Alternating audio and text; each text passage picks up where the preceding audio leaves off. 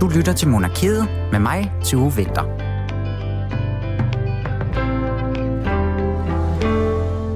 På mandag, der skal vi fejre en prins, der måske har brug for en lille smule kærlighed oven på en del kritik, eller øh, i hvert fald opmærksomhed. Som fødselaren nemlig har været igennem de sidste par uger. Prins Joachim, han kan fejre sin 52-års fødselsdag på mandag den 7. juni nemlig. Her i Monarkiet, som du lytter til lige nu, der øh, prøver vi i dag at nuancere den her debat om øh, der har været om prinsen en lille smule. Det, der lige satte det hele i gang med det her, det var et interview til, den, til det franske medie Pont de Vue, som øh, prins, øh, prins Joachim og prinsesse Marie gav. Og øh, i det, der kommer prinsen med forskellige udtalelser om, at han er utilfreds med hans position i kongehuset, og han sætter selv spørgsmålstegn ved, hvad hans øh, rolle egentlig er. Derudover så stiller han sig også både forstående over for sin egen fars frustration over hans plads i det her hierarki, og så øh, udtaler han, at han har meget respekt for prins Henrik i England og hans beslutning om at bryde ud, som han anser for modigt. Det har så medført en del kritik af, altså at så privilegeret et menneske som en dansk prins jo en, nu engang er, slet ikke står i en position, hvor at han kan få lov til at brokke sig, som han så har gjort. Vi skal tale med en lang række forskellige mennesker i dag. I studiet der får jeg besøg af Jakob Sten Olsen, der er kulturjournalist og anmelder på Berlingske. Derudover så skal vi så også tale med en sovnepræst og foredragsholder, Begitte Krav Engholm. Hun skrev en kommentar til hele dækningen af den her sag. Og sidst men ikke mindst, så snakker vi også med Klaas øh, Tejlgaard. Han er redaktør på netmediet Indblik, og øh, han var en af dem, der var ude og kritisere Joachim lidt for de her offentlige udtalelser. Men inden vi taler, med, øh, den, øh, taler om den forestående fødselar her og hovedpersonen i dag, så vender jeg lige lidt øh, andre royale sager, og det gør jeg som altid med Julie Lindhardt Højmark. Du lytter til Radio 4. Velkommen til Monarkiet.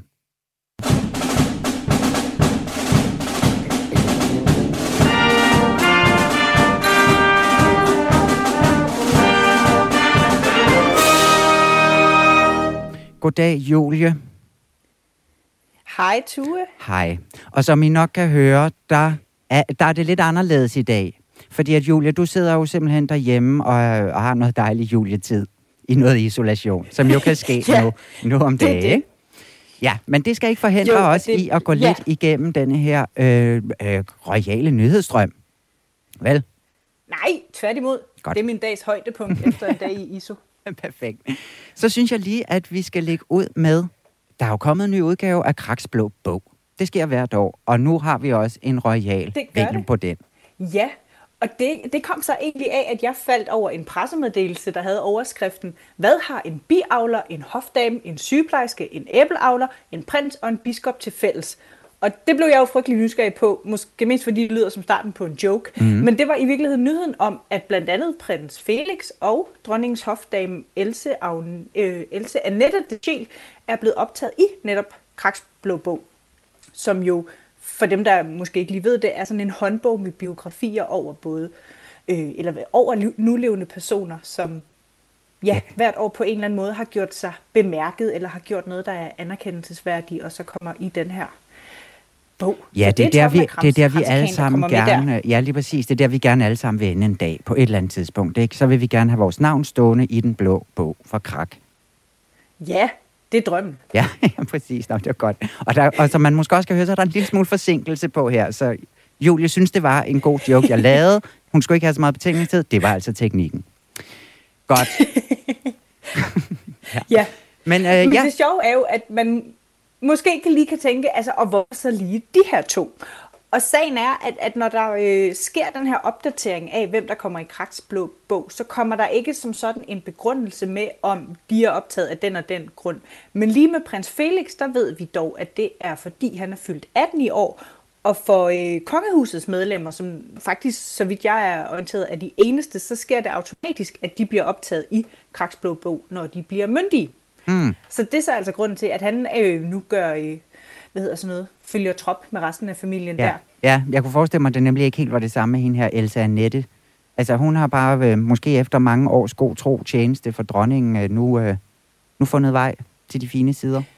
Ja, jeg lurer lidt på, om det kan skyldes, at det er, fordi hun har været hofdame i 20 år. I år er det faktisk 20 år siden, at hun blev ansat som, okay. øh, som dronningens hofdame. Så måske det kan være grunden til, at det er nu, at hun har udødeligt gjort sig selv på den måde. Ja, det er jo dejligt for hende. Jeg føler også, at det der øh, sjæl, øh, eller skel, tror jeg også, der er nogen, der vil udtale det. Det er vist også et gammelt, altså det er gammelt, øh, ja, det lyder mere rigtigt, navn. faktisk.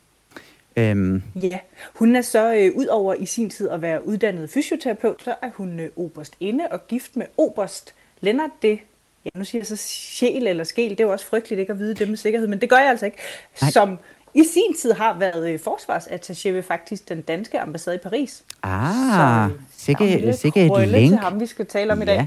Hey. Ja, flot. Præcis. flot set, Julia. ja, præcis. Jamen, altså, man har det researchet, ja. og nu der ikke var så meget andet at lave. ja, præcis. Ja, så du kender altså Elsa og Annette, de sjæl ud og ind nu. Ja, åbenbart lige bortset fra, hvordan man udtaler hendes efternavn, så ja. Ja, men altså, det, jeg tror faktisk, det kan siges på begge måder, for jeg har hørt det siges på begge måder. Så det skal du ikke lade dig sådan hænge op i. Ja, jamen tillykke til de to, og måske især hofdamen, fordi at Felix, han, øh, han var jo født ind i det. Men det vender vi jo også tilbage til ja. i dag. Altså, sikkert Som med vinkler. resten af butikken nu. Ja, præcis. Ja. Øhm, på en lidt mere, hvad kan man sige, øh, folkelig måde, eller hvad man, ja, der inviterer Mary, ja. hun inviterer til stor EM-fest nu. Fordi at i går, der smed kongehuset altså en video af Mary op på deres sociale medier, hvor at hun inviterer til den her store øh, festlige fodboldfest øh, i forbindelse med EM på hjemmebane i år. Øhm, du skal bare øh, mhm. holde den selv, kan man sige, fordi at øh, det, det er sådan en, en pakkeløsning, du kan søge om. Øhm, for hvis du har en rigtig god idé til, hvordan at du ligesom kan aktivere dit lokalområde til at samles om en rigtig fodboldfest. Og dem, der ligesom står bag det her arrangement, eller det her initiativ, det er så nemlig, det er DR, og så er det DBU, og så er det Østifterne, og så Maryfonden.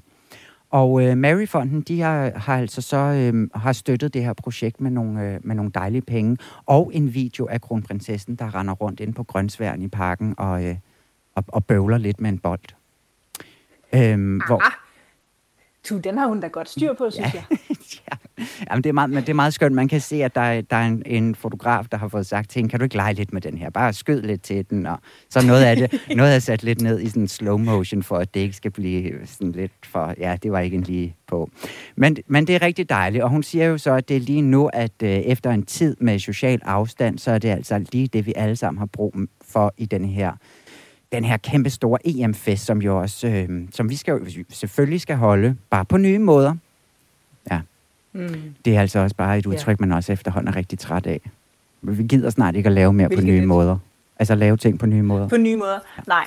Nej. Nu vil vi godt have den gamle fodboldfest, hvis man er til fodbold. Ja, jeg Jamen, kan jeg vil næsten sige, ja. altså, jeg, jeg er ikke til fodbold, men hold op, hvor er jeg til fest og farver. Især oven på, på det her år, så tror jeg, jeg er simpelthen så klar til at hæppe på nogle røde-hvide gutter, hvis det kan være en undskyldning for at, at forsamle som noget glædeligt. Ja, og du skal bare gøre det i dit lokalområde. Du kan jo prøve at ansøge for eksempel på din boligforeningsvegne, øh, eller din øh, øh, bordtennisklubs vegne, eller et eller andet, hvor I så ligesom får samlet en masse mennesker, som så kan sidde her. Øh, og så får man den her store kasse til en værdi af 3.000 kroner, som skulle indeholde pynt og sjov og lege og fodboldgrej og merchandise, og jeg ved ikke hvad. Og så øh, kunne jeg forestille mig nu, hvor det er også er inde over, at der måske også kom lidt sådan uh, transmittering fra de her fester. Ja, så det er simpelthen, øh, hvis, man, hvis man vil, øh, hvis man kunne tænke sig det, at få lidt, lidt fra Maryfonden i form af fodboldmerch, så, øh, så, så er det bare om at komme ind og ansøge den her, øh, den her kasse. Fest, hvad, stor... Øh, ej, nu har jeg glemt, hvad det hedder. Partykassen. Partykassen. Vi kalder det partykassen. Det er et super fint initiativ. Ja, ja vi, skal, så. vi skal lige en tur øh, op til Norge også, ikke? Øhm, fordi at deroppe, der har de en dronning, øh, og hun hedder Sonja, og hun har lige givet et interview til det norske NRK. Øhm, og her der taler dronning Sonja så øh, ud om sådan sin store øh, passion, som er kunst. Øhm, og ligesom, ja, altså det, det som det her interview blandt andet handler om, det er, at hun også svarer på, hvordan det egentlig er, at hun altid bliver, øh, ja, hvad kan man sige, anset som en form for sådan glad amatør af kritikere. Øhm, og til det der svarer hun så, at øh, at hun jo øh, har en øh, hun har jo en god veninde i Danmark, der oplever lidt det samme. Og det måske er forventet, mm. når man mm. har den position, som de nu engang havde. Ikke? Hun har, øh, hun har studeret kunst, øh, kunsthistorie på Oslo Universitet, og altså det er hendes helt store øh, øh, interesseområde, det her. Hun har været i lære hos nogle forskellige kunstnere øh, og laver grafik, øh, som er sådan noget, ja, tryk, print og så videre. Øh. Ja. Og det var så også fordi, at der skulle åbnes et nyt øh, hvad hedder sådan noget, galeri i Norge, som hun øh, er en del af, som sådan skal fremme denne her øh, del af kunsten. Og så øh, der kan jeg så også lige sige, at hun selv er meget øh, inspireret af Picasso. Øhm, uh. Det er jo noget. Øh, ja, man kan jo lige gå ind og prøve at google hendes øh, værker, og se, om man kan se en slående lighed, eller i hvert fald en, en inspiration hentet fra det. I 2017, der udstillede hun også i Aarhus med popsangeren Magne Furuholmen. Ja. Og det er altså den eneste, ja. den eneste kendte popsanger fra, øh, fra Norge. Fordi det er ham fra Aha. Ja? Med Take On Me hittet. Nå, dem! Ja. Ja, Ej, præcis. det var lige helt væk for mig. Ja. Okay. Men de har simpelthen mm. lavet en gruppeudstilling i Aarhus tilbage i 2017, hvor man altså så kunne købe de her værker fra, øh, fra dronningen. Ja det er jo bare skønt. Og dejligt, at hun simpelthen, hun tager det her med kritikken af hende som den glade amatør med oprejst panden, og hun vil bare simpelthen så gerne, øh, det giver hende nærmest blod på tanden, siger hun. Altså når hun møder kritik, så tager hun det til sig, vil gøre det bedre. Ja. Og det er jo sådan, man skal tage kritik, kan jeg kun sige til mig selv. Ja, det må jo alt andet lige, når man er øh, kongelig og gerne vil begå sig inden for den her kunstneriske verden. Det må være svært at tage imod kritik, fordi jeg vil nok selv være skeptisk omkring, om alle nu også tør sige deres uforbeholdende mening om det, jeg havde kreeret. Jeg vil nok altid lidt have folk mistænkt for at måske lige sige nogle lidt pænere ord, end hvad man ville have sagt ellers. Ja, og jeg tror måske, at, så, at det, man tør nærmest ikke gå længere ned af stien end den glade amatør, vel? Altså. Nej, Nej, den er rimelig, øh, den er sikker. Ja, og så, og så er der jo hverken sagt noget om... sig selv. Nej, præcis. Så er der hverken sagt noget om kunsten, eller om, øh, ja, om hende, eller, eller noget som helst. Men det er jo også lige meget, så længe hun hygger sig med det. ja, Ik? det er da det. Og, og, og, Skønt for hende. Altså op på denne her, øh, eller øh, udstillingen i, øh, i, uh, undskyld, i Aarhus i 2017. Der Fordi blev de du havde her... oppe i Norge på hovedet. Ja, ja, ja, lige præcis. Ja, oppe, oppe i uh, Aarhus, der boede ingen trolde. Men der, var, der blev de her værker, de blev alligevel solgt mellem, altså til uh, mellem 32.000 og 56.000 500 kroner, så altså en glad amatør, så er det der noget, der kan samle nogle penge ind. Ja. ja. Ved vi, om det er penge, der så øh, går ned i den egen kongelige lomme, eller om de på en eller anden måde går til noget øh, velgørenhed? Jamen, det går simpelthen til vel, øh, velgørenhed. Øh, blandt andet hendes egen fond, hun har sin egen sådan, øh, pris, øh, som også skal støtte unge kunstnere i den her grafiske disciplin. Øh, så den er røget lige ned i hatten på dem, og så går den så videre til, til unge nye kunstnere, ikke? Meget fint. Skønt. Ja, det var altså lige sådan lidt, lidt øh, nyt konge, kongestof ude for verden af. Og Julie, kan du så ja, se... Og, nyheder, og, men med lidt forsinkelse på linjen. Ja, lidt forsinkede nyheder, om man vil. Ja, ja præcis. Julie, skynd dig ud af isolation, så vi kan se dit uh, små, eller så jeg kan se dit smukke ansigt herinde, og alle lytterne kan høre uh, din smukke stemme uden forsinkelse på i næste uge, ikke? Jeg vil glæde mig til at vende tilbage. Det er godt. Tak skal du have, Julie. Efter at kongen i statsrådet havde givet sin officielle godkendelse af forlovelsen, og Grevangeri derefter var blevet præsenteret for ministerne, fik pressen lejlighed til at fotografere de forlovede i audienssalen sammen med kongen og regeringens medlemmer med statsministeren i spidsen. Og der blev taget billeder i tusindvis.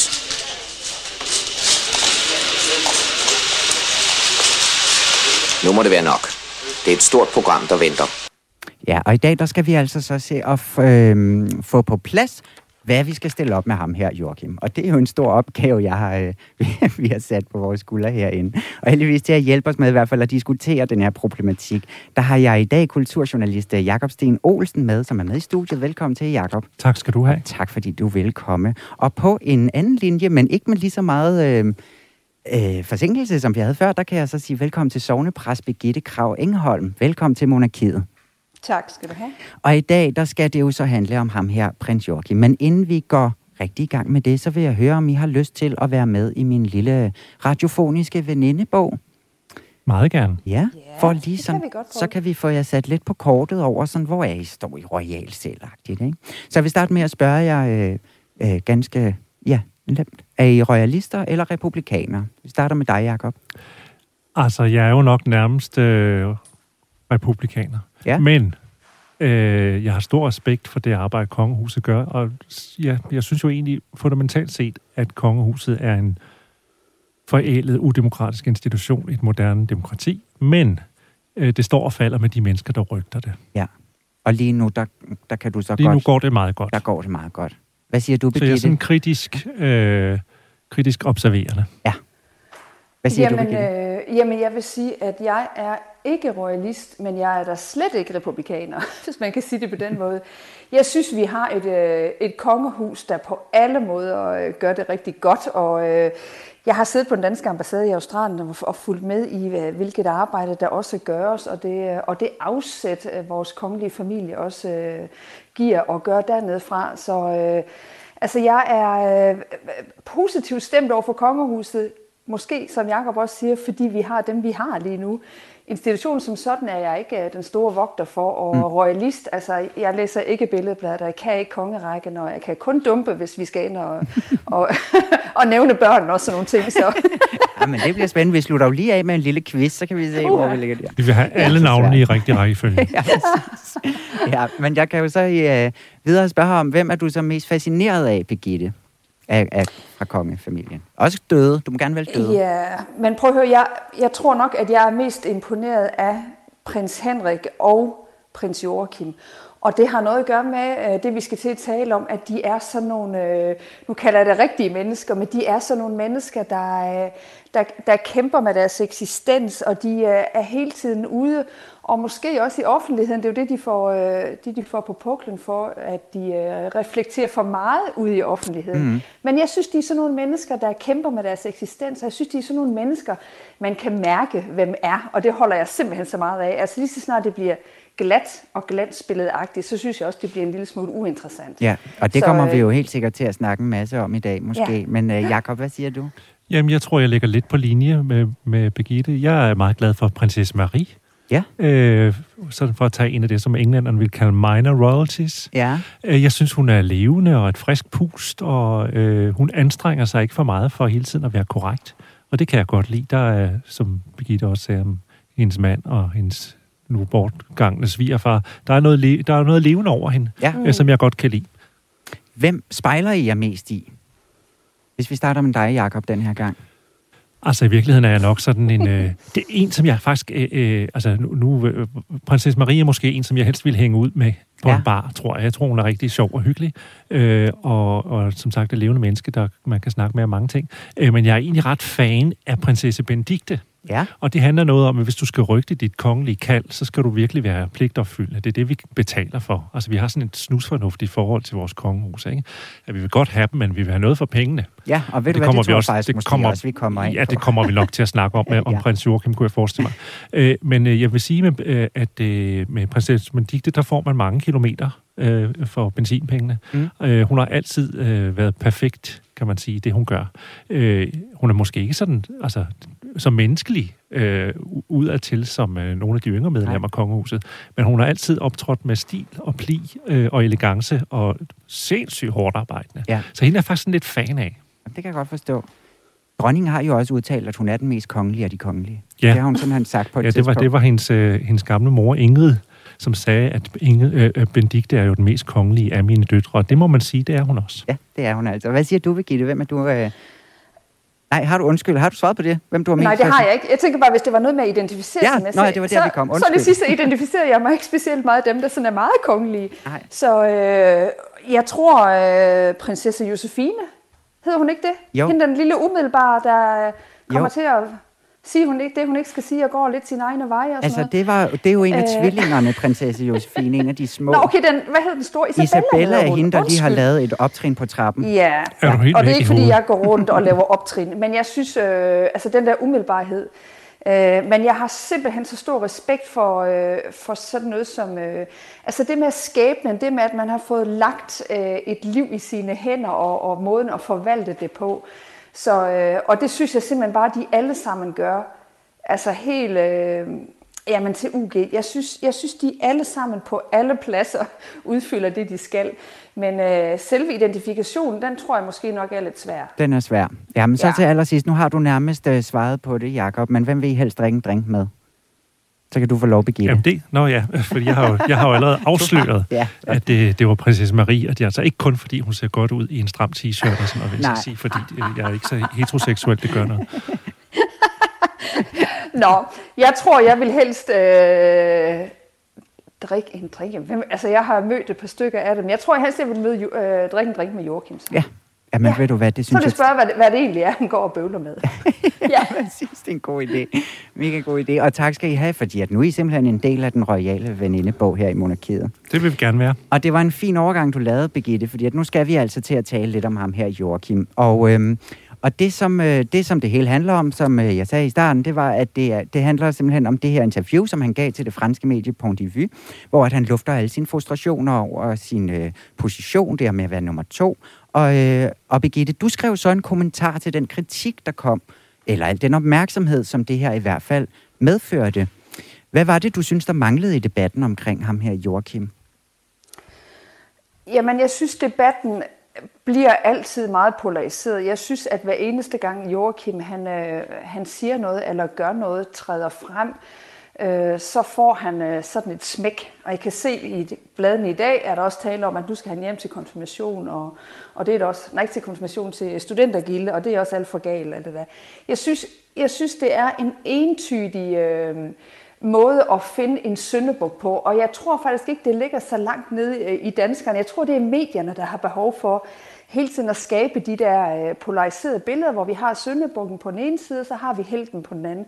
Og jeg synes, det er... Øh, jeg synes, det er ufint. Jeg har meget, meget lidt respekt for den måde at drive journalistik på, og den der ensidige fortælling mm. øh, øh, om et menneske af kød og blod, der forsøger at finde sin vej i sit liv. Jeg synes, øh, jeg synes der mangler noget der. Og så tænker jeg, jeg tænker jo meget kirkegårds, når jeg tænker, øh, hvad det vil sige at være et menneske. Og det der med, at vi bliver til i kraft af vores refleksion om, hvad det vil sige at være menneske.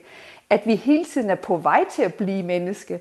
Og at vi bliver til i kraft af de valg, vi træffer.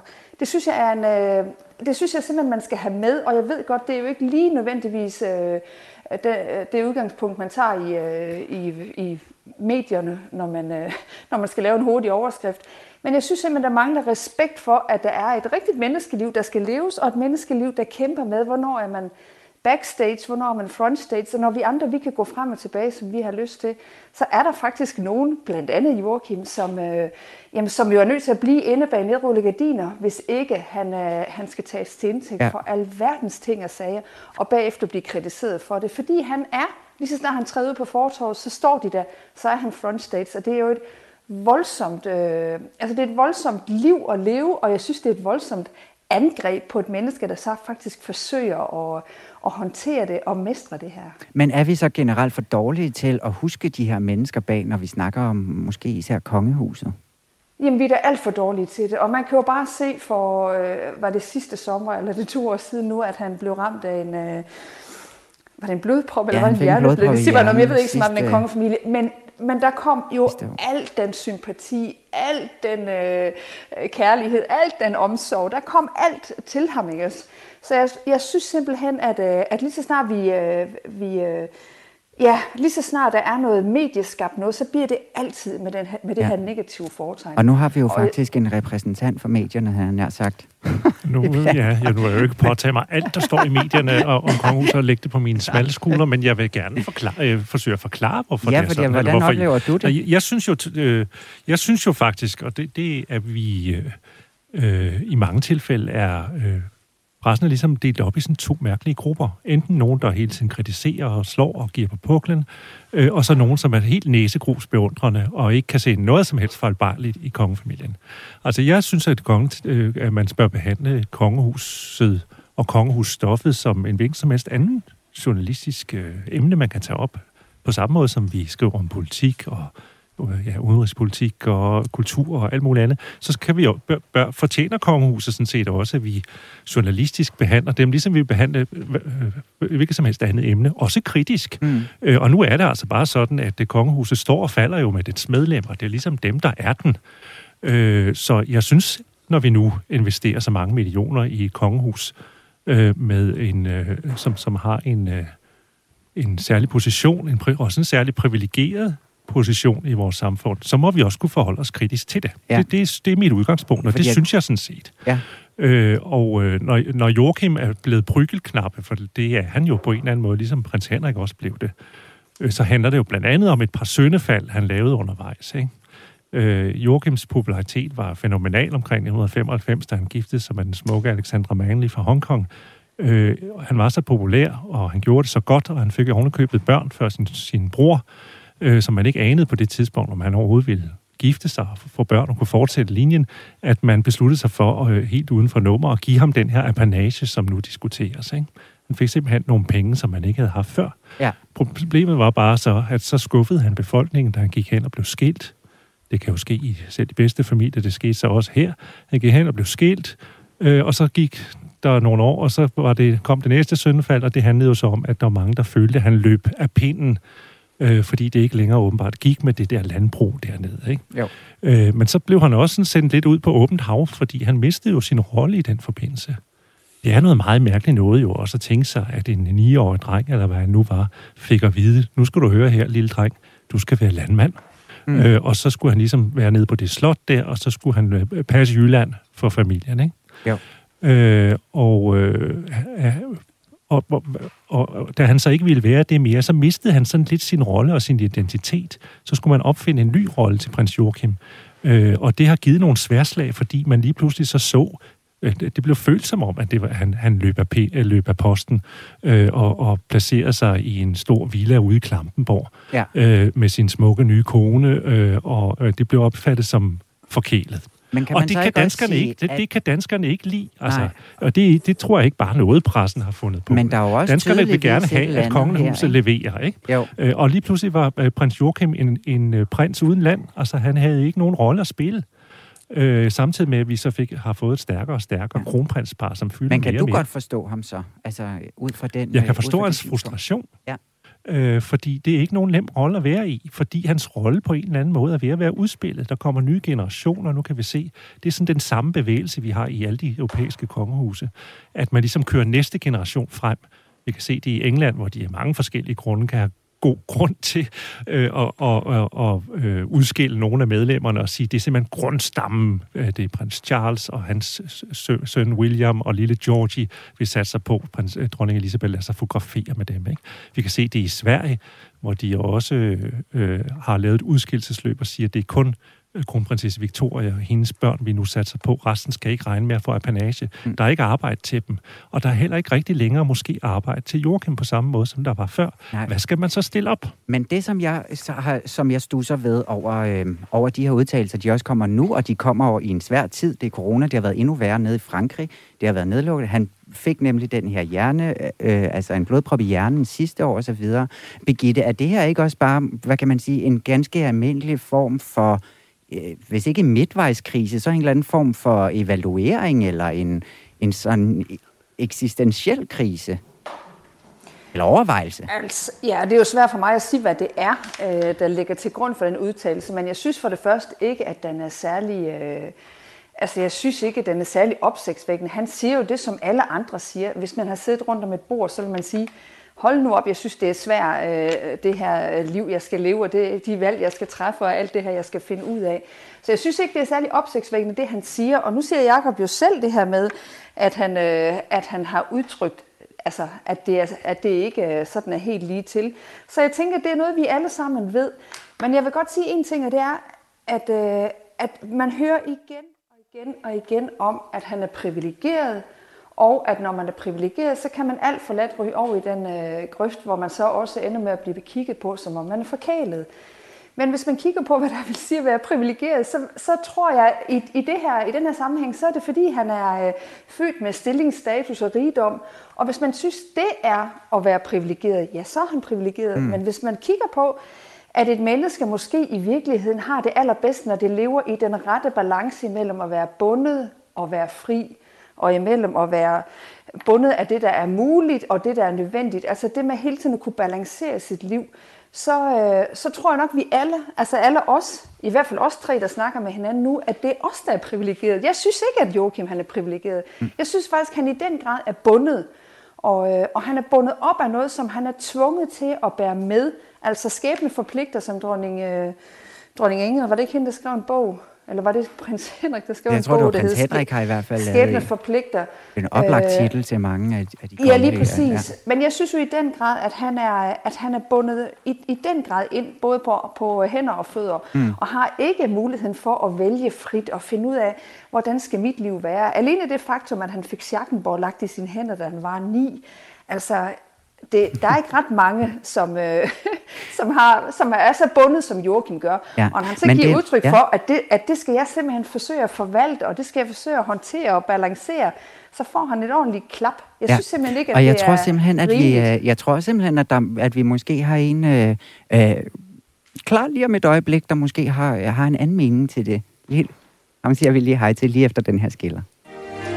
Papa, man siger, at den man elsker, tugter man. Vi tvivlede aldrig på din kærlighed. Så skal jeg sige velkommen til Klaas Tejlgaard. Hej Klaas, kan du høre mig? Det kan jeg. Det er godt, og vi kan også Hej. høre dig. Du er chefredaktør øh, for netmediet Indblik.dk, og så har du været næstformand i Ung Republik. Øhm, du har jo tidligere været med her i programmet, og dengang der skulle vi have alle de gode argumenter på bordet for, hvorfor at vi ikke skulle have et kongehus her i landet. Øhm, og det, som jeg godt kunne øh, tænke mig at starte med at spørge dig om, det er, denne her historie om prins Joachim og det, han er ude og ja, være lidt utilfreds og så videre, er det bare med til at, sådan at understrege, at monarkiet er et uddateret system? Ja, altså det synes jeg jo. Øh, jeg ser det i virkeligheden som en, en konsekvent, øh, øh, et lidt overset argument for at afskaffe kongehuset. Noget, som jeg altid har slået meget på trummen for. Og det er jo det her, som I også snakkede en lille smule om før, med at som kongelig, da du født ind i et guldbord, kan man kalde det. Du er født til nogle privilegier, ganske vist, men du er også født ind i en meget låst rolle. Og hvis du så får lov, øh, eller hvis du så er så uheldig at blive født i en rolle, hvor du endda spiller anden violin i kongehuset, og der måske knap nok er noget arbejde eller nogen rolle til dig, så hvad Joachim gør i øjeblikket, øh, og har gjort det meste af sit liv, jamen så er det ikke bare et guldbur, øh, hvor at der er, man er bundet på hænder og fødder i forhold til, hvad man må, og hvordan ens øh, liv og øh, karriere skal se ud, men det er måske også øh, et meget tomt liv, hvor det kan være svært at finde gøremål og noget at tage sig til, øh, og man kan føle sig meget malplaceret. Ja. Så jeg synes egentlig, at, at på den måde, så sætter det meget godt fokus på, øh, på det argument for at afskaffe kongehuset. Ja, men det her, som Birgitte, hun også snakker med det her, de er jo ligesom, de, har, de sidder i en situation, og, og, og vi sidder alle sammen i en situation på en eller anden måde, så øh, er prins Joachims, den kan så betragte det som en lille smule mere... Øh, privilegeret, men er det ikke, er det ikke fair nok at reflektere over lige meget, hvor man øh, sidder? Jo, og jeg synes også, det er meget, meget sundt. Der kommer bare den mindste smule kritik af institutionen indefra. Øhm, så det synes jeg er meget naturligt. Jeg synes, det er meget, meget sundt, og jeg synes faktisk, det er et, et fint og sådan frisk pus til, til kongehusdebatten herhjemme, at han også tager bladet lidt fra munden, prins Joachim. Mm. Det er jo så lidt, altså jeg ved ikke, hvorfor han vælger at gøre det i, i, i den franske, det franske svar på se og hør, men, men det må han jo om. Nej, hvad, hvad betyder det, at han gør det der, synes du? Jamen, jeg ved ikke. Jeg ved, jeg ved sgu ikke. Øh, altså, jeg har lidt tænkt, om han ikke rigtig turde det ud på bloggen over for et dansk medie herhjemme, og han havde regnet med, at han ville blive behandlet lidt, øh, lidt mere venskabeligt af et fransk magasin. Øh, det, det, det kan man jo kun gisne om. Jeg synes bare, det var meget sjov lille øh, sådan krydset del historien her. ja, Ja, jeg, jeg har bare lyst til at sige, at øh, jeg synes også, at prins Joachim skal have øh, lov til at udtale sig om, sin, hvordan han har det, og i virkeligheden så burde han sige noget mere. Øh, men der, det er jo ikke så underligt, at det vækker furore eller opmærksomhed, når han siger det her i et fransk ugeblad. Mm. Øh, dels så kaster han prins Henrik ind i kampen, og nu har kongehuset brugt så mange kræfter på at forsøge at lægge låg på hele alt den ballade, der var i forbindelse med prins Henriks utilfredshed. Ikke? Øh, og dels så nævner han jo altså, at han godt forstår, øh, øh, prins Harry, som lige præcis har stukket ild i hele Windsor Castle. Ikke? Øh, så så det, det er jo ikke, øh, det, det, det skal mere ses i lyset af, at de, de kongelige stort set aldrig siger noget øh, og, og, og ytrer sig om deres utilfredshed, at det her har vagt opmærksomhed. Ikke? Jo, men er det, er det, jeg kan stadig ikke finde ud af, om det er en god eller en dårlig ting, hvis nu vi snakker, hvis nu vi tager hele institutionen, er det en god ting for institutionen? Er det en form for sådan modernisering? Eller er det bare sådan lidt at kuglegrave sig selv? Altså, øh, øh, han, han, han fortæller jo om situationer, hvor han ikke synes, at det giver rigtig mening for ham, øh, og, og det har jo også været fremme, øh, at øh, det ikke er parets eget valg øh, at flytte til Paris. Ikke? Mm. Øh, de er simpelthen blevet, for at sige livet, eksileret. Man har skulle opfinde en rolle som, som forsvarsattaché til øh, prins Joachim. Ikke? Jo. Øh, at det har simpelthen ikke været deres ønske. De var glade for at være i Danmark, hvor de også, øh, og det tror jeg roligt, man kan sige om Joachim og Marie, at de følte selv, at de havde meget at give til kongehuset. De følte selv, at de havde meget at give til Danmark, og de følte selv, at de kunne passe deres arbejde her. Ja. Ikke? Øh, så på den baggrund er det ikke deres eget ønske, så jeg vil, øh, apropos hvad Birgitte sagde før, jeg vil heller, øh, det, øh, jeg vil ikke bytte for 3,2 millioner kroner i apanage om året. Men det er interessant at se, at det er altså en lignende ting, der sker Øh, det er ikke bare Joachim, der har problemer med at udfylde en rolle som nummer to. Det, det er den samme bevægelse, vi ser i de øvrige øh, kongehuse i Europa. Prinsesse Madeleine i Sverige, hvor hun er henne? Hun sidder i Florida i dag. Hun har sagt nej til apanagen øh, og sidder i Florida, fordi øh, hun kunne ikke finde ud af, hvad hun skulle lave i Sverige. Mm-hmm. Øh, prinsesse Märtha Louise i Norge øh, farer rundt og laver engleskoler og øh, chokerer nordmændene ja, og, skønt, og, og, og har frasagt sig sin øh, kongelige højhedtitel øh, for at, at få lov til at leve et liv og tjene nogle penge selv. Øh, vi ser prins Harry, ja. som forlader det engelske kongehus og smækker med døren undervejs og siger, at kan ikke holde det, det ud. Er det også det, vi så der, ser med Joachim? Det, det er da det samme. Øh, ja. I, øh, nu er det danske kongehus ikke så dramatisk anlagt som øh, visse af de andre europæiske mm. kongehuse. Men, men det er da den samme frustration og den samme... Øh, øh, Øh, Øh, opgivenhed i forhold til øh, den svære situation, det er, når du ikke er den, der er nummer et, men er nummer to, og så ligesom skal finde ud af at gebære dig i det, at du ikke den, den, der er det, men alligevel så kan, kan du ikke leve et frit liv. Men, men det skulle man ja alligevel... Der er også et argument, der vil sige, at jamen, du skal ikke være konge. Altså, du skal være... Øh du, du, du, kan, du har faktisk lidt friere rammer til at definere din, din egen rolle. Det er øhm, derfor, jeg synes, at det ville være dejligt, hvis øh, Joachim kunne og fik lov til at formulere sig lidt mere over, hvad han egentlig godt selv kunne tænke sig. Ja. Så kunne det være, at han kunne være med til at modernisere. Men er det ikke det, der er problemet? Nu vender lige tilbage til dig, Klaas. Er det så ikke det, der er problemet i, at han, at han modtager alle de her penge, fordi at så har han ikke... Øh, altså, er, er, det der, er det alle de her penge, det handler om, at, at, at det skaber så meget furore, tror du, Klaas? Jeg tror det er helt klart, det er en del af det. Altså det, hvad kan man sige, for mig, øh, grunden til, at jeg er imod kongehuset, det handler meget mere om noget principielt, øh, som vi nok desværre ikke går for voldsomt meget på i den her omgang. Men i den brede befolkning er det jo meget det her øh, med, når, der, når man oplever, at der er en eller anden form for øh, spil af skattekroner omkring kongehuset, som kan få folk op af stolen. Ikke? Og det er der jo på en eller anden måde i det her med prins Joachim. Altså han sidder og får øh, næsten 4 millioner i apanage nede i Frankrig for et job, som du normalt ville have fået lidt over en million for. Ikke? Mm. Øhm, og så kunne man jo så mene, at hvis han var så utilfreds med kongehuset, øh, og så gerne ville ud og lave noget, hvor han følte, at han ikke bare spillede anden violin og skulle øh, blive eksileret mod sin vilje og alt muligt, jamen, så kunne han da melde sig ud af kongehuset og gøre ligesom prins Harry, som han også i det der interview med Point de Vue kalder modig. Ja. Jamen, så kunne han gøre ligesom ham melde sig ud af kongehuset, så ser man, han kunne lave et liv på øh, egne præmisser og på egne meritter. Spørgsmålet er, om han tør det, og spørgsmålet er, om han kan det. Øhm, og derfor så tror jeg, at de der 4 millioner, han får, det er et dejligt hold kæft som nok lige får ham til at mærke lidt ret og lade være med at blive alt for øh, oprørsk og rebelsk dernede i Frankrig.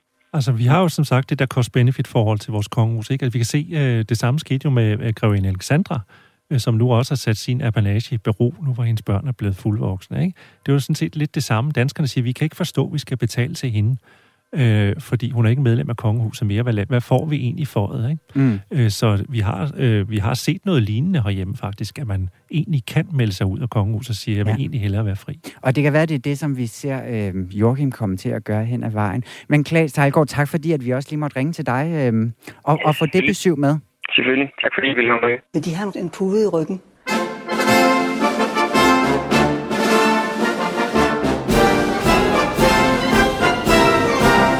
De vil, så har jeg sagtens lånt dem en pude. Oh, det vil jeg vældig gerne have. Øh, hvor er mine møbler blevet? Nej. Jeg Men tror, lad os bare er meget nødt at sidde på en pude. Hvis Jamen, det er bestemt ikke Og det er til ryggen, vi jeg tænker. Simpelthen for, oh, tusind tak. Jeg synes, det kunne, jeg kunne se, at de følte dem lidt langt tilbage. Det er rigtigt nok, øh, men jeg troede, jeg skulle sidde på en pude. Det nej, nej, nej, nej, nej, nej, nej.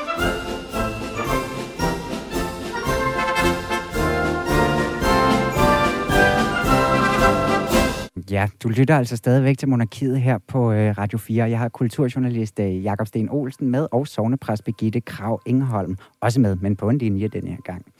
Øh, vi taler om prins Joachim, og jeg synes, at vi skal prøve at snakke lidt om, nu var vi lige hurtigt inde på, jamen altså, måske skal han bare melde sig ud. Vil det sådan redde nogle af både hans frustrationer og noget af den kritik, som følger med her? Men, øh, men er det vejen for det? Er det sådan, vi får det... Er, er det sådan, alle bliver glade, eller hvordan? Hvad tror du, Birgitte? Oh, jamen, jeg tror ikke, folk bliver glade, fordi Joachim melder sig ud, og jeg tror da slet ikke, han selv bliver glad, for han er jo et menneske, der har altså den der værdighed, han altid optræder med, og, øh, og den her rolle, han har i kongehuset, og også den her interesse, han har for hele institutionen. Så jeg tror slet ikke, at Joachim han er øh, interesseret i at melde sig ud. Jeg mm. tror bare, at han bakser med det, som, øh, som det vil være meget naturligt.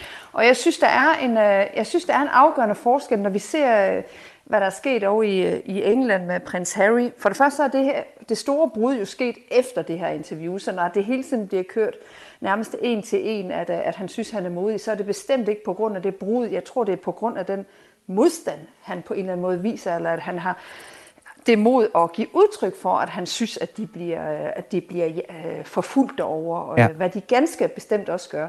Så jeg synes, det er lidt et, et forkert at bare sammenligne det med det, vi nu ved om prins Harry her i dag. Men, øh, men jeg synes da ingenlunde, han skal melde sig ud. Jeg synes, han gør det simpelthen så godt, og nu har han lavet de her fine historieprogrammer, og, og lige så vel som Benedikt, der har en rolle, der er sådan lidt tilbagetrukket, og Jakob siger selv, hun er den mest kongelige, og det siger de åbenbart også selv inde i kongehuset, så kan man jo sagtens have den position, at man ikke er den der er nummer et, førstefødte, men at man stadigvæk har en vigtig rolle, og der er jeg sikker på, at Joachim han kan udfylde altså til UG med kryds og slange, så jeg synes bestemt, han har en plads. Jeg synes bare, vi må også give ham den plads, og vi må give ham øh, lov til at give udtryk for, hvad det vil sige at være ham. Altså, jeg kan godt forstå, at han bakser med det. Ja. det og, og det er der mange toer, det gør. Nu sad jeg lige og tænkte, at vi talte om det lige før, at sådan en som uh, Lars Lykke, selvom det jo er uden sammenligning ellers, så vil jeg sige, det der med at, øh, at, at være etter og hele tiden være i gang med at bygge op, og så er det næsten lige meget, om du er ved at bygge en regering op, eller ved at bygge et kongehus op, eller dit eget renommé. Men så længe man bygger op, så har man en plads og en position og en retning i sit liv.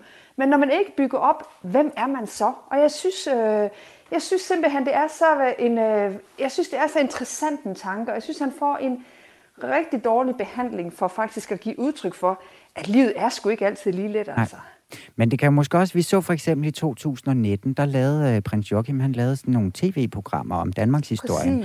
Øhm, og, og det var jo så også under apanage, altså det har han mm. jo Øh, altså, det, ja, der var han jo ligesom ikke sprunget ud, eller så videre. Der lavede han bare noget andet arbejde. Og, øh, og Jakob, den, den, den udsendelse, den læste jeg en, øh, en anmeldelse, du havde lavet af, hvor med overskriften, det var alt for meget prins, alt for lidt Joachim.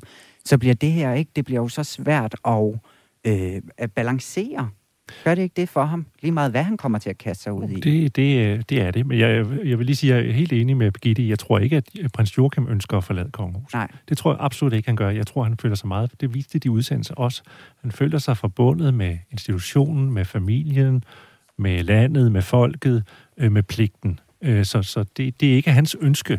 Øh, spørgsmålet er, om, der, om hoffet ønsker, at prins Joachim skal spille nogen egentlig rolle. Ikke? Det kan man godt være i tvivl om, ja. altså, som han er blevet sendt i eksil. Så det, det, det er mere der, dilemmaet ligger. Øh, jeg tror, at Joachims ønsker øh, er klare nok. Han, han vil gerne spille en rolle, øh, og en større rolle, end han gør nu. Men spørgsmålet er, om han får lov, om det ja. er den kurs, der er stukket ud, kan man sige. Ikke? Men, Men jeg synes, at de skulle beholde, jeg synes, du skal, jeg synes, de skulle beholde ham. Og det handler lige mm. præcis også om de udsendelser, fordi er der noget, dronning Margrethe har udviklet sig til med årene, så er det at være sådan hele nationens storyteller. Altså den, der fortæller os øh, danskere, hvem er vi? Øh, hvem er vi i forhold til vores land? Hvem er vi i forhold til vores øh, øh historie? Minder os om, hvem vi er som danskere i en mere og mere forvirret verden, hvor vi kan have brug for at hvile på et fundament. For hvis vi ikke har det fundament som folk, hvem er vi så? Og det kan Joachim også. Mm. Øh, for nu at sige det lige ud, at hans bror er sympatisk, men øh, enten taler han sort, eller også øh, så siger han ikke noget af ren af angst for ikke at sige noget. Øh, han, kan nogle, han kan noget andet. Øh, men Joachim kan tale, og Joachim er nok den bedst begavede, for at sige det lige ud, i hele kongehuset, øh, og kan påtage sig en rolle, som øh, bliver ledet efter dronning Margrethe, som den, der fortæller os øh, om, hvad at blæse noget mening ind øh, rent øh, oralt øh, i, øh, i øh, institutionen kongehuset øh, og, og, og, og samle os med nogle ret gudbenåede fortællegaver. Ja. Så jeg synes, at det kongehuset burde satse på prins Joachim som kongehusets historiefortæller. Ja, og han var jo drøn god til det, og han fik mega, altså han, Han fik, var han var virkelig meget... til det. øh, Min kritik handlede mere om, at det er besværligt at være i den rolle, fordi han rent faktisk også tog nogle prekære emner op, Ja. som vi diskuterer politisk, og dem kan han jo ikke rigtig gå ind i som prins. Øh, Jeg synes, det var nogle formfulendte udsendelser, jeg synes, han havde en naturlig elegance øh, og naturlig tilstedeværelse og vandt så mange sympatipoint Ja. for de danskere, som måske var sure på ham ved at lave de programmer. Ikke? Jo. Mere det. Ja, mere af det. Mere af det. ja, det vil Og så var der sådan en begejstring. Jeg synes faktisk, at man så i de programmer også, at, øh, at Joachim han var øh, altså begejstret som et, øh, som et barn juleaften med nogle af de her, øh, de her ting, han blev præsenteret for, nogle af de mennesker, han talte med. Og jeg synes simpelthen, det var så, øh, ja, det var så klædeligt at se sådan en, der ah, liver helt op. Jeg synes Ja. ja. simpelthen, det var, øh, ja, han gjorde det rigtig, rigtig godt der. Og jeg vil sige, som Jakob siger, altså kronprins Frederik og prins Joachim, de er så forskellige, at man kun kan, kan tage dem ind øh, på den måde, at de supplerer hinanden fuldstændig fremragende med de, øh, med de Ja. forskellige positioner, de nu Men har. det er jo faktisk også noget, som du nævner i din kommentar, øh, Birgitte, og vi var også lige hurtigt inde på det, det der med, at der er sådan en frontstage og en backstage-identitet, mm. som måske kan være endnu sværere for de her kongelige mennesker at, øh, at navigere i, og hvornår er man for privat eller personlig, og hvornår skal man opretholde facaden, og altså hele den her kongelige verden værner jo om, og, og ikke at være for personlig, ikke? Ja. Øhm, så, så lige meget hvad han gør, den her prins, altså så kommer vi vel altid til at læse det i en prinse rolle. Ja, al- al- altså prins Joachim har det problem, som de kongelige generelt har, at når de træder uden for en dør, så er de frontstage, hvor vi andre, vi skal nærmest op på en scene, eller op på en prædikestol, eller ud på dansegulv, før vi går frontstage, og så de sociale medier velmærker også, men ellers så skal der noget til. Vi har i hvert fald meget, meget let ved at gå backstage, og de har jo nærmest ikke øh, nogen mulighed for at gøre det, fordi pressen er over dem konstant. Men jeg synes stadigvæk, at hvis pressen var øh, altså forsøgte at forstå og forsøgte, jeg vil bare sige, hvis pressen var en lille smule mere begavet, jeg næsten sige det, jeg har simpelthen så lidt respekt for den måde, man behandler de kongelige på, for jeg synes, det er, de bliver betragtet som sådan nogle, øh, ja, sådan nogle øh, rollespillere, og jeg synes, de er, jeg synes, de er mennesker, der forsøger alt det bedste, de kan, og med de svipser, vi andre, vi går rundt og laver i vores liv, altså det hører jo også til det at være menneske. Og når man så piller en svipser ud og blæser den op på, øh, på en forside, ja, så har du da for alvor fået, øh, altså fået skabt noget ballade omkring øh, noget, der ellers var temmelig harmløst. Altså jeg synes igen, som jeg har sagt hele tiden, jeg synes simpelthen ikke, han siger noget, der er særlig kontroversielt, men jeg synes, han siger noget, som vi danskere, vi kan spejle os i. Ja, det er svært at være menneske. Vi ved det fra vores eget liv. Og her står der en, selvom han er kongelig, selvom han er privilegeret, som nogen kalder det, har stilling, status og rigdom, så bakser han også med det, fordi det hører til det at være menneske. Du kan simpelthen ikke øh, med din stilling, med din status, med din rigdom, med dine privilegier gå, øh, altså gå glat igennem livet. Det hører til det at være menneske, Ja. og det viser han simpelthen så fint, og jeg synes, øh, jeg synes vi burde takke ham for det. Ja, men altså er det måske bare der, vi skal slutte og takke Joachim for hans udtalelse, nu hvor det har fået så meget kritik alle så mange andre steder fra. Ja, skal vi sige det? Det var en god, et godt sted at slutte. Jeg synes, vi Ja, skal kan du være med på den også, Jacob? Ja, jeg synes at absolut, at det, øh, han skal have lov til at, at sige, hvordan han har det. Øh, Og som sagt, han skulle have lov til at sige endnu mere. Mm. Øh, Så kan vi jo tage bestik af det. Men altså, det synes jeg egentlig, at han skulle. Øh, Så nej, det, øh, grunden til, det øh, som sagt vækker så meget ballade, det er udelukkende, fordi de kongelige, øh, som regel, når de taler, ikke siger noget som helst. Ja. Livet præsenterer... Ja. Så gælder det om at vise, hvor dygtige I kan blive.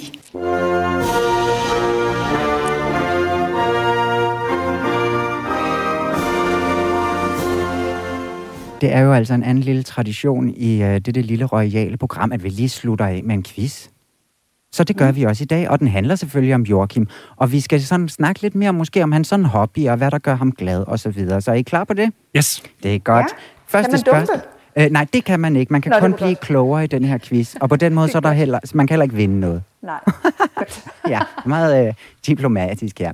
Men øhm, han har altså kørt en masse racerløb, den her prins, i veteranbiler. Altså de her historiske racerløb. Øh, det gør han sammen med vennerne Martin Berner og Oscar Davidsen Sisby.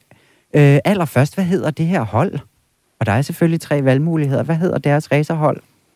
Er det A. Retsina Racing? Er det B. Corona Racing? Eller Cortina Racing? Jeg gætter på Cortina. Er det ikke noget med nogle gamle biler og sådan noget? Er der ikke noget, der hedder en Ford Cortina? Er det dit gæt, Jacob? Ja. Ja, hvad siger du, Birgitte? Ja, men jeg siger også det. Det kan jo muligt være corona og retsina. Det er sådan noget billig, dårlig øh, græs rødvin. Det kan det heller ikke være. Så Ej, men øh, jeg holder har også på. Cortina. Det må være det. Selvfølgelig, der er, der er simpelthen point af hele linjen. Sådan. Yes. Selvfølgelig, og han kører nemlig i en uh, Ford Lotus Cortina. Nå, i 2019, der deltager den her trio så i uh, det her uh, Copenhagen Historic Grand Prix. Grand Prix. ja, sådan udtaler jeg det. Som, øh, det har de gjort mange gange. Men øh, i forbindelse med løbet det her år, der sætter de sig ned og snakker om motorløb i en podcast til Dansk Automobilsportsunion. Hvad er det, øh, som, hvad, hvad, hvad udtaler prins Joachim, øh, når han sætter følelse på at blive dus med sit køretøj, som han siger? Siger han, det er bare wow, det er en ud af kroppen oplevelse? Eller siger han B, halleluja, så skal jeg aldrig bede om mere? Eller er- siger han C, oh mon dieu, det er som når sopranen rammer det høje C, helt magnifik. Jeg tror, han siger A, fordi jeg synes, jeg har observeret, at prins Joachim kan godt lide at være sådan lidt moderne i sit sprogbrug. Ja. Sådan lidt ung med de unge. Ja, Birgitte.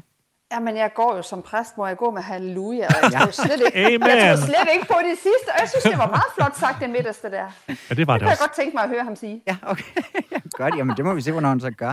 Men øh, så er der altså simpelthen point til Jakob den her gang. Yeah! Ung med de unge. Han udbryder et wow. Ja, jeg kan høre det for mig. Jeg Ja. kan næsten høre det. Vi tager lige det sidste spørgsmål.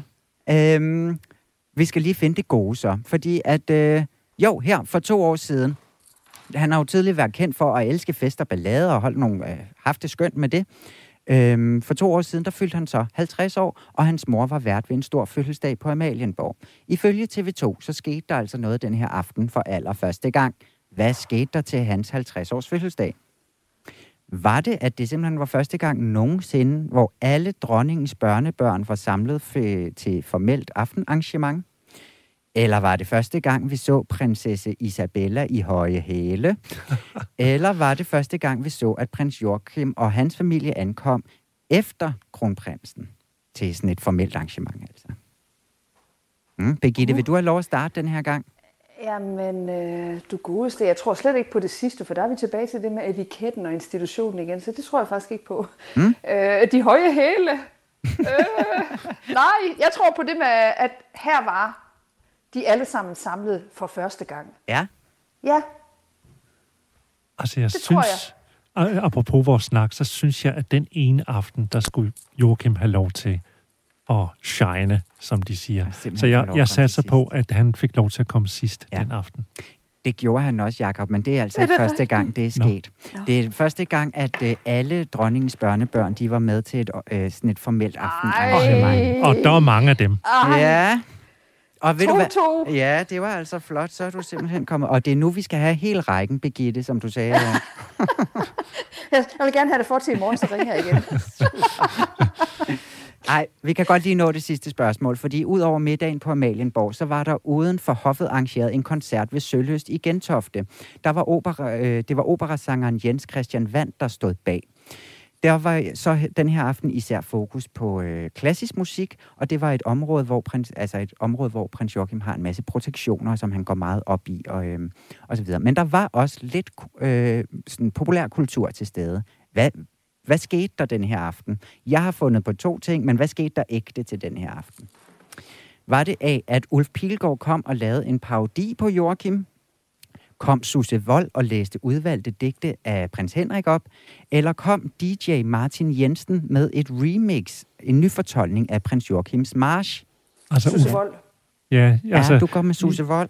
Ja, det gør jeg, for det synes jeg, jeg har hørt, men det kan sagtens være, at du pludselig siger, at øh, jamen, det var i forbindelse med noget andet. Jeg kan huske, der var noget med Susse Vold, der kom og læste de her, øh, de her digte op. Ja. Øh, ja, jeg, jeg, tror, jeg tror på det. Ja. jeg tror på, at det var øh, Martin Jensen. Jeg tror, at partyprinsen skulle have noget umba umba. Ja. Det var Susse Vold, der kom Nej. også og oplæste de her digte Han kunne ikke få nok, Susse. Vold. Nej, præcis. Nå. Susse Vold er også dejlig, men jeg synes, han havde fortjent noget øh, fadøl og noget gang i den. Nå. Ja, men det, det tror jeg også, han har fået. Nå. Ja, ved I hvad? Tusind tak for i dag. Vi når altså simpelthen ikke mere, så at, mange tak til dig, øh, Birgitte Krav Engholm, der er sovnepræst, fordi at du vil være med.